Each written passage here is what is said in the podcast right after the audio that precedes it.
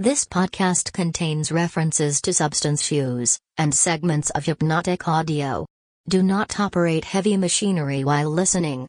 Headphones recommended.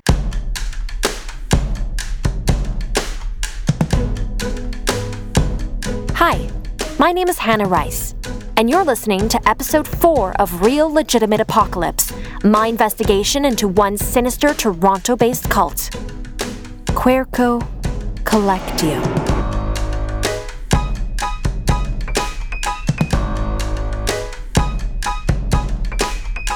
Previously on Real Legitimate Apocalypse. My close friend and former roommate Alba moved to Vancouver. Yeah, it's great. I took a wellness, fulfillment, and meditation class taught by Lawrence Studer. Breathe in one deep breath. Who has online audio files for self meditation, two of which I've listened to. Crimson. I've been attending the Toronto Neighborhood Alliance Network. Meetings, which are focused on blocking the erection of a 35 story condo building on Tyndall Street, the street on which I happen to live. Last meeting, I was personally invited to a A network wide meeting in High Park on Monday at 9 o'clock in the evening. We love to have guests. The Toronto Neighborhood Alliance Network's website, I discovered, is somehow related to the Hermetic School of Heinrich Khunrath, HSHK. The headquarters of which, I discovered, is at the top of Glen Edyth Drive, just north of Dupont Street and Davenport Road, where I went at 10 p.m. for research purposes and was told by an old woman on the property Now go to bed, Hannah. You need your rest.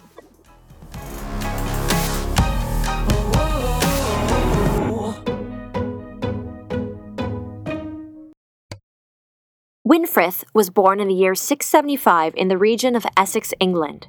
He was a very mature, ambitious, and intellectual young person, and quickly showed a desire to pursue a religious education at the Adescancastre Monastery.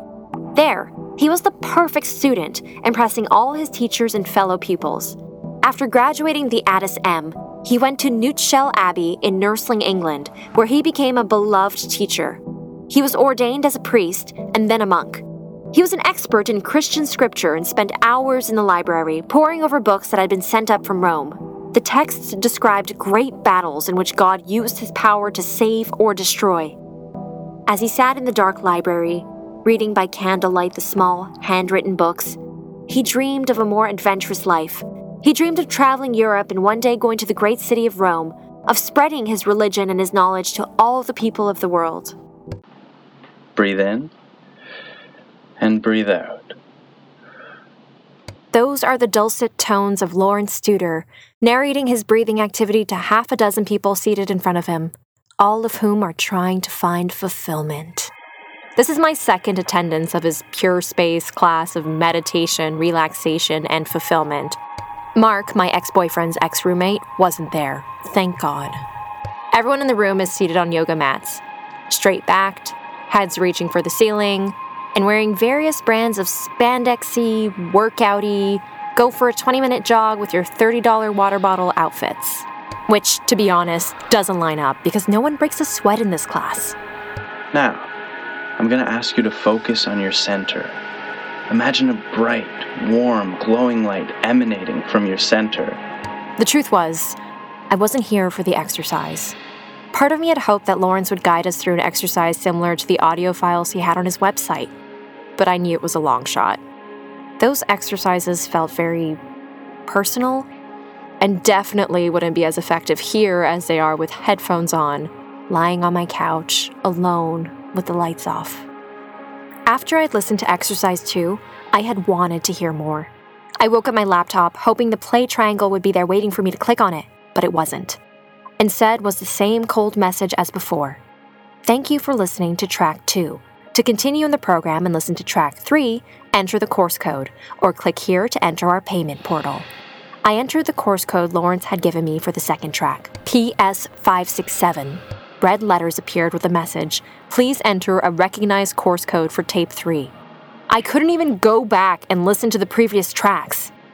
But getting the passcode for the third track was only one part of why I was here. Breathe into your center. Imagine the light growing brighter. And as you breathe into the brightness, relax further. I was investigating the Neighborhood Group Alliance Network and the somehow affiliated Hermetic School of Heinrich Khunrath, and had a lot of questions to ask a lot of people. First on my list was Lawrence, as he's the one who initially invited me to come to the first meeting. Think about what in your life gives you the feeling of fulfillment. This can be a possession or a person or activity. I was seated at the back of the class. Picture the image of this thing in your mind's eye. Imagine it merging with the light burning at your center. Trying not to waste my time and maybe gain something from the hour that I had to listen to this. Now let this warm, glowing image of what fulfills you burn bright and strong and radiate throughout your body. I wasn't feeling very warm.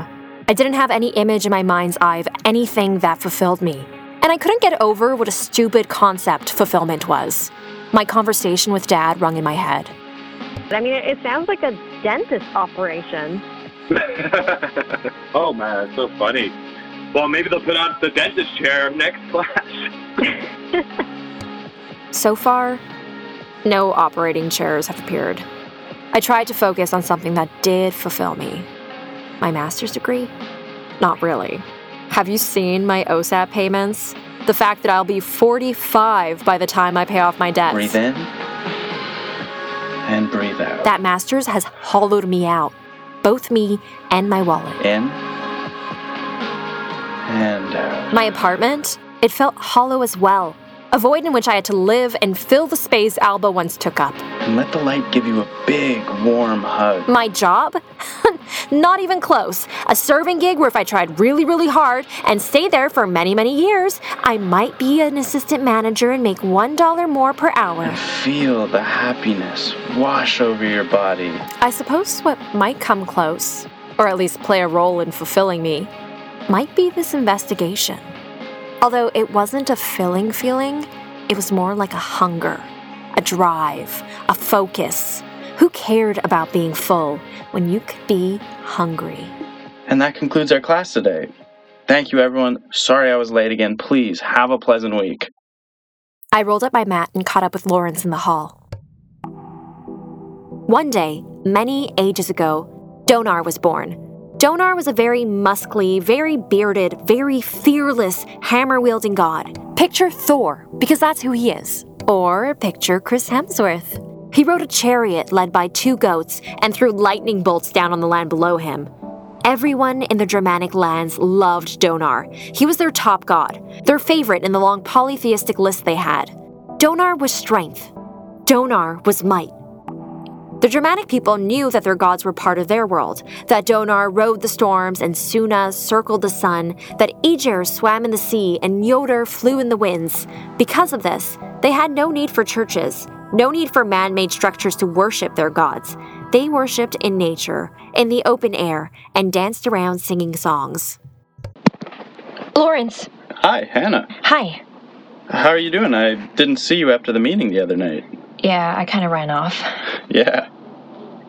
Yeah, so I was just doing some research into the neighborhood network she talked about. By she, I mean Amherst, the red lipped older lady hosting our meeting. Did you know about the Toronto Neighborhood Alliance network before? No, I didn't. How did you hear about the meeting?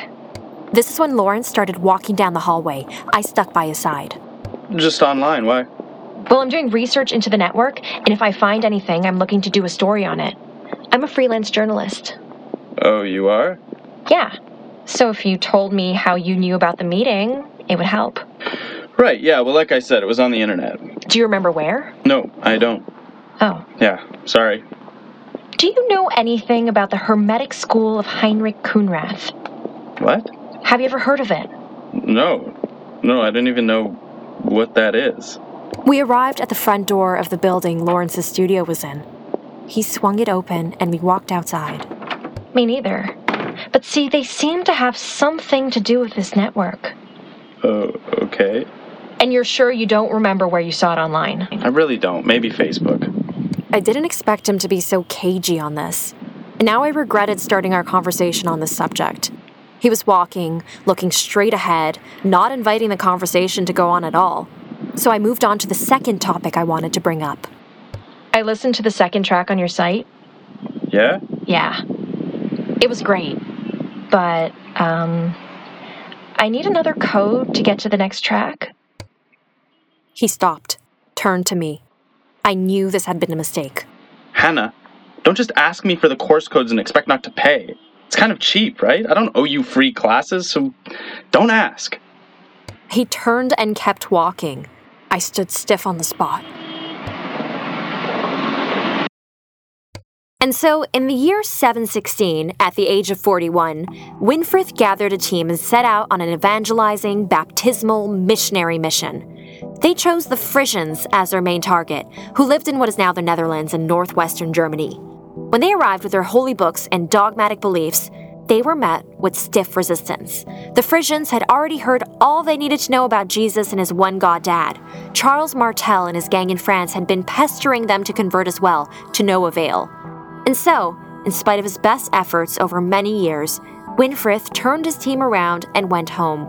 Evangelizing was not as glamorous as he had imagined in his library in South England. The lips of wisdom are closed, except to the ears of understanding. Principle 3 The Principle of Vibration. Nothing rests. Everything moves, everything vibrates. This principle embodies the truth that everything is in motion. Everything vibrates, nothing is at rest. Facts which modern science endorses and which each new scientific discovery tends to verify. And yet, this Hermetic principle was enunciated thousands of years ago by the masters of ancient Egypt. This principle explains that the differences between different manifestations of matter, energy, mind, and even spirit result largely from varying rates of vibration. An understanding of this principle, with the appropriate formulas, enables Hermetic students to control their own mental vibrations as well as those of others. The masters also apply this principle to the conquering of natural phenomena in various ways. He who understands the principle of vibration has grasped the scepter of power. One Frisian group of Germanic people maybe lived along a river, and beside the river was maybe a clearing in the woods, and maybe in the middle of the clearing stood a 700 year old massive oak tree. It rose high over the clearing, with great, unreachably high branches lunging out as thick as the largest man. 30 meters, 100 feet above the clearing waved the highest leaf, looking down at all the trees below and rolling hills in the distance. For generations, this Germanic clan had grown up running around the trunk, sleeping in its shade, and picking the great fist sized acorns the tree would drop every year. To this clan, the tree represented their god Donar, it was strong and steadfast and everlasting. It dominated the scenery and ruled over the land. And most importantly, Donar, racing through the storm clouds, had never shot a bolt at it in all its many centuries. This oak tree was so important to the clan, they named themselves the Clan of the Oak and congregated in the clearing regularly to pay homage to this great tree and their great god, Donar. It was 8 o'clock on the Monday night. I'd actually been scheduled to work at the restaurant, but I had luckily convinced someone to take the shift, giving me the day off. I had done further research. I'll admit I was nearing the point of obsession. Into Hermeticism. Here's what I found out so far. Hermeticism rose around the 2nd and 3rd century and was a study of the natural world, a form of science tied in with alchemy. Hermeticists use logic, reasoning, and evidence to form their conclusions. However, as they were in the early Middle Ages, they didn't have great tools or knowledge to build on. So they filled the gaps by bringing together science and religion to answer life's deepest questions. Why was there a Hermetic school in Toronto in the 21st century? Who knows? That was my next focus. I was on my 1989 blue Raleigh Technium Trilight, biking along Fermanagh Avenue. House after house passed by, porch after porch, garbage bin after garbage bin. I was listening to the daily podcast with Michael Barbaro. He was interviewing a journalist who had uncovered a firearm corruption case somewhere in the States. I wasn't following the story as closely as I usually did. Fermanagh Avenue would turn into High Park Boulevard, hit Parkside Drive, then through a gate and under an arch into the depths of High Park. My front bike light was bouncing around, shaking its white beam all over the place as I pulled to the red light at Parkside. I looked over the intersection to the forest beyond and the winding, dimly lit road leading to the park's heart. When Winfrith arrived home, he discovered that the head of his monastery at Nutshell had died, and that he had been designated as the head abbot. Now, Winfrith had a choice. Would he retire from his adventures and run this monastery teaching the texts he loved so much to the already converted in his abbey? Or would he turn his back on his abbey and run off south? He had always dreamed of seeing Rome one day.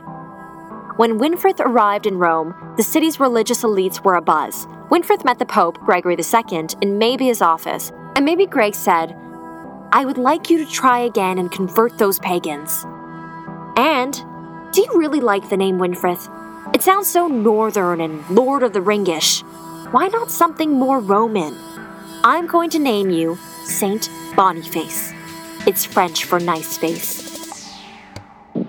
I imagined a kind of barbecue, about 50 to 100 people milling about, discussing the various developments each group was working to block.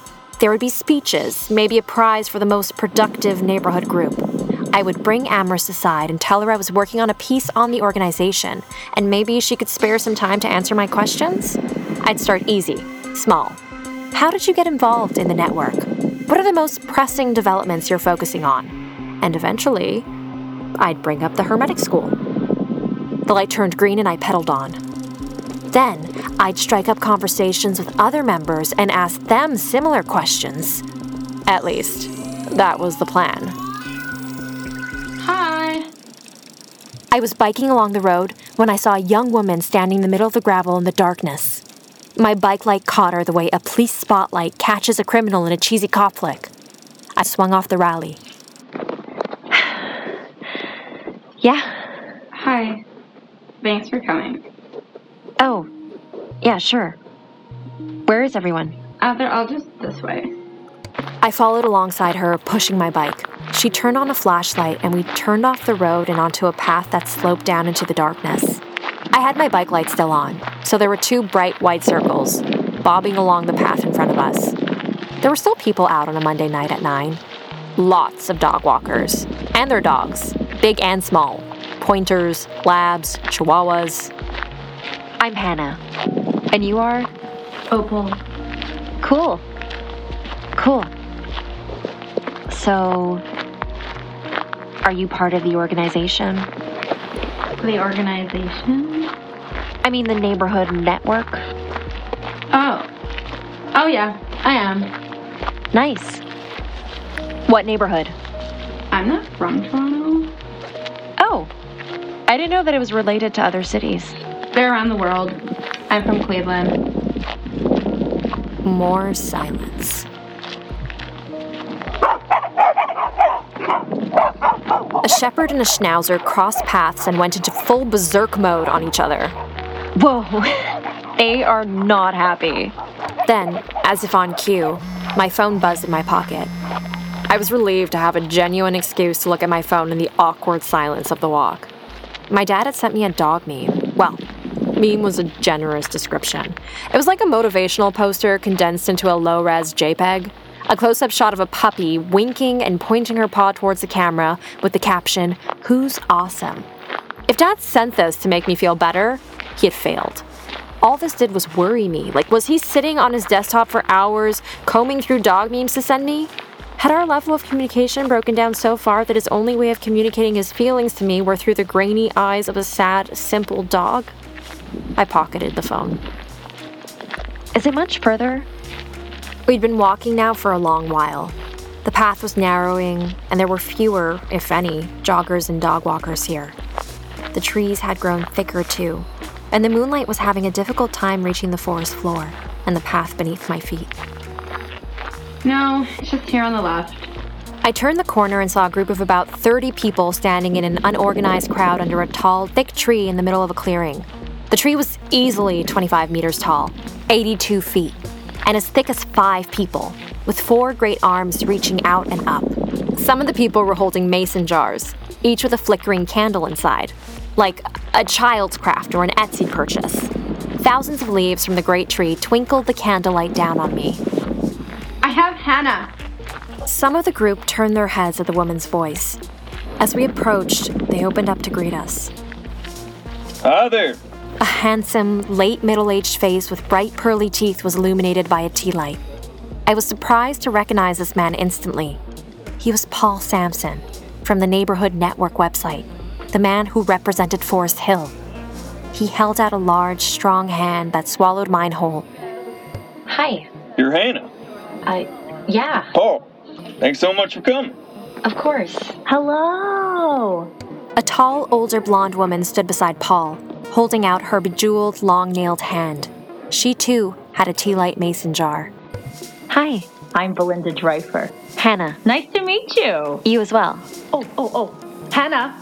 I heard a familiar voice in the distance coming towards me through the crowd, and Amherst pushed her way into the circle. Hannah.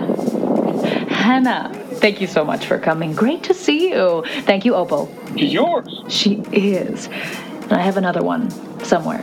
From our group? Yes, I don't know where he is. He's already been set up. Lawrence? Yes, he was just over here. Amherst grabbed me by the arm to pull me further into the group, so I grabbed my bike with my other hand. Oh, why don't you lean your bike here? She pointed to a sapling a few feet away. I rolled my bike over to it and leaned it against the thin trunk. It'll be safe there.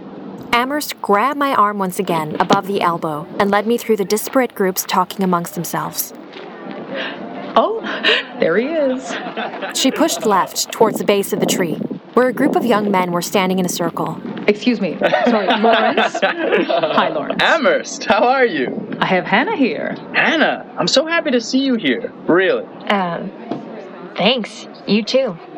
Lawrence looked different. And not in a bad way. He had a wide grin. His eyes seemed brighter than usual. This is a great event. Isn't it? Everyone's so nice. That's who we are. Yeah, You look good, Lawrence. Like you're up for anything. I am. That's good to hear. Why don't you go see Paul and he'll get you started? Great. That's a great idea. And Lawrence marched off. I was so confused. It was as if Lawrence had put on some incredible makeup. He looked younger, happier, more attractive. I looked to Amherst to see if she had noticed, but she either hadn't or pretended not to. And let's prepare you. Amherst grabbed my arm once again and led me away from where Lawrence had gone and around the tree trunk. Another 15 to 20 people were dispersed here, having friendly, animated conversations. They were all in their late 40s to late 60s, with a few exceptions, and they all held tea light jars. Except, I saw, for a young woman who stood in one of those cliques, awkwardly and silently looking around at the rest of the garden party. An older man had his hand around her arm, holding her in place. I saw that Amherst was leading me towards a chair, away from the tree and the lights. Yeah, a chair in the grass on the grounds of High Park. It was a white, plastic deck chair, the kind of chair you could pick up for five bucks at Canadian Tire, the easy stacking kind. A short, slender man was standing beside the chair, as if waiting for us. He held a small, battery powered Bluetooth speaker. This is Hannah. Yes. Hello, Hannah. Hi. Try to get her back to me. I have to keep track of another one as well. And with that, Amherst waddled away, leaving me in the dark with this little man. His tea light was in the grass near his feet, flickering. Sorry. Who are you? Exactly. Sorry? I should go find my friend. There's no need. Have a seat. Wait, what's up? Why? Because the Crimson is coming. I sat, and I don't remember anything else. In the year 722, St. Boniface, aka Winfrith, Face arrived back in the Germanic lands, Bible in hand, ready to start evangelizing the locals once more. He was maybe paddling down a river or through the forest when maybe he came to a clearing. And in that clearing was maybe a great oak tree, the largest he had ever seen. He stepped out of his boat and into the clearing. Out of the bushes came a large group of people with questioning looks on their faces. Bonnie explained that he had come from Rome with a special book that was going to change their lives. The clan rolled their collective eyes. They'd heard it before over and over people from the south and people from the west trying to sell them the same damn book. But Bonnie insisted that the god in his book was the only god, and the many earth dwelling gods they worshipped were fantasies. The clan countered with the story of their favorite god, Donar, that he was great and mighty and threw lightning, and that they all happened to be standing under Donar's tree, their favorite tree for their favorite god. And so, in one fluid motion, Bonnie snatched an axe from one of the clan's people's hands and struck the great oak. Things get a little unclear as to what happened next.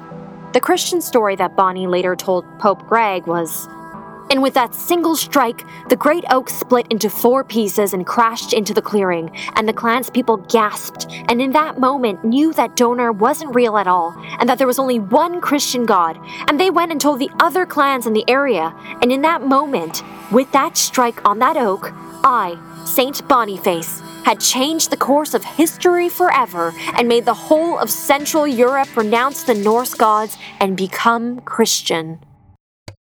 But the portable digital recorder in my sweater pocket did remember.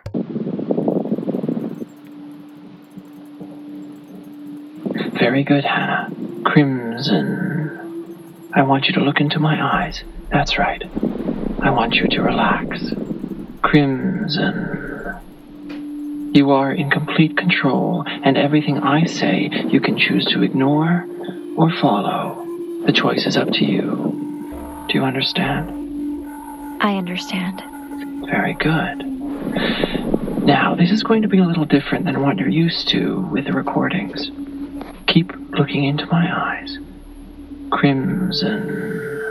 I want you to breathe in and breathe out. That's it. Crimson. Are you relaxed, Hannah? Yes.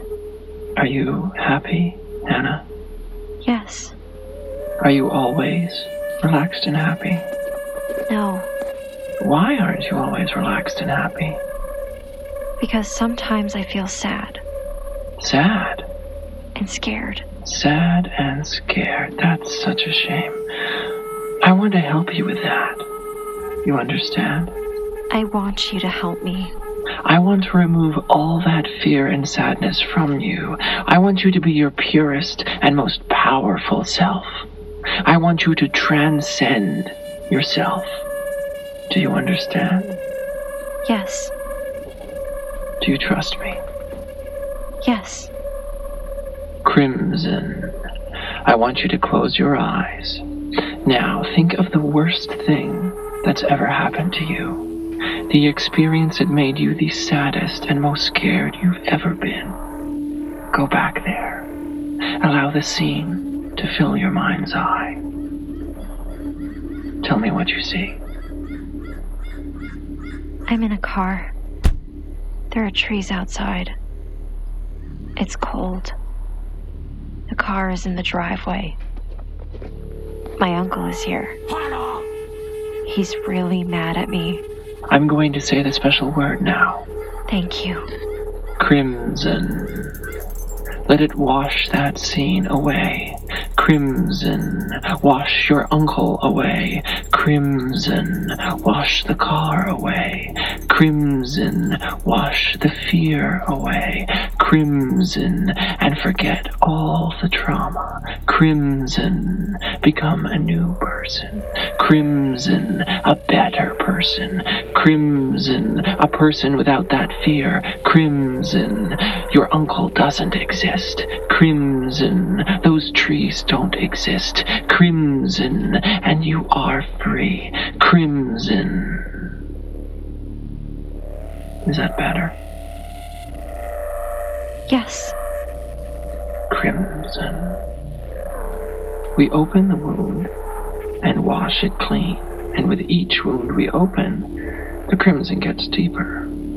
And it feels beautiful. Doesn't it feel beautiful? Yes. Open your eyes. You're crying. I'm happy. Perfect. That's what I want. Now, follow me. From the rest of the recordings, it's hard to hear exactly what happened. Good girl, Hannah. As, above, so below. As below, so above. Come this way, Hannah. This won't hurt a bit. And then I remember again, clearly. It felt like my memory was a video clip with a section cut out and deleted, or like I had fallen deep asleep for a while there and had been woken up. But it was like waking up from the most wonderful dream I had ever had. Like I wasn't me, but like a fantasy me, a better me. And now, as I woke up, the weight of the world lowered itself back onto my shoulders. The small, slender man was in front of me, looking deep into my eyes. Are you there, Hannah? I was still groggy, like being woken up from a nap in the middle of the day. I didn't know what time it was or where I was exactly. I could see tea lights twinkling around me and the legs of people around me pointing away. I was sitting on the ground in the cold grass. Hannah? My hands were on either side of me, palms in grass. I leaned forward and clasped them in front of me. I had a bandage on my left middle finger. It was one of those waterproof plastic bandages. There you are. Can you stand? Mm, I don't know. But I could. He offered his hands and I took them, and he lifted me to my feet. Everything's okay. You've just been asleep for a little while, okay? Uh, asleep? I noticed there was less people milling about than when we had arrived. Maybe 10, when there had been about 30 before. No one was looking at me, they were just saying their goodbyes to one another and walking off down the path, tea light mason jars bobbing along. Neither Lawrence nor Amherst were here. What. what happened? They weren't able to confirm you. Why don't you hop on your bike and carefully ride home? Oh. My bike had been moved from the little sapling and was now leaning against the great oak tree. Above the bike, on the tree, at about shoulder height, was a marking that hadn't been there when I had arrived. I walked toward the tree in my bike. What's this? Exactly. That's the rose. Rose? Yes. It's very exciting. Get home safe, Hannah. And the man walked off, mason jar in hand. I stood at the tree, looking at the marking. It was an engraving into the bark of the tree about a foot wide and tall, deep. The scar would stay on the trunk for years. The little man had called it a rose, and I could see what he meant. But I noticed that the longer I looked at it, this rose had five points, and it looked more like a pentagram than a rose. It was stained dark with a kind of liquid. I turned on the front light of my bike and pointed the handlebars at the tree. The dark stain turned to red. Some droplets were running down the bark of the tree, glistening in the light of my headlamp. Immediately, I turned and marched my bike through the grass to the path.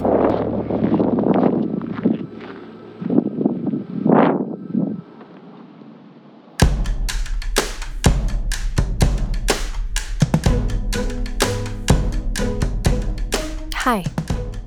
So, that was episode four Querco Collectio. Um, check out our Instagram at RLA Series, where I'm posting and answering your DMs. This podcast is a ton of work, a ton of research. So, um, and I feel totally awkward asking this. Uh, but the Patreon account is patreon.com slash RLA series. So if one of you has some extra cash or like a rich aunt or something, it'll get divided between everyone working on telling the story, which is important. And if you know anyone who might know anything or have their own similar story or who might be interested in this, let them know. Anyway, thanks for listening. Subscribe for the next episode. Stay safe, as always. And I'll talk to you again in two weeks.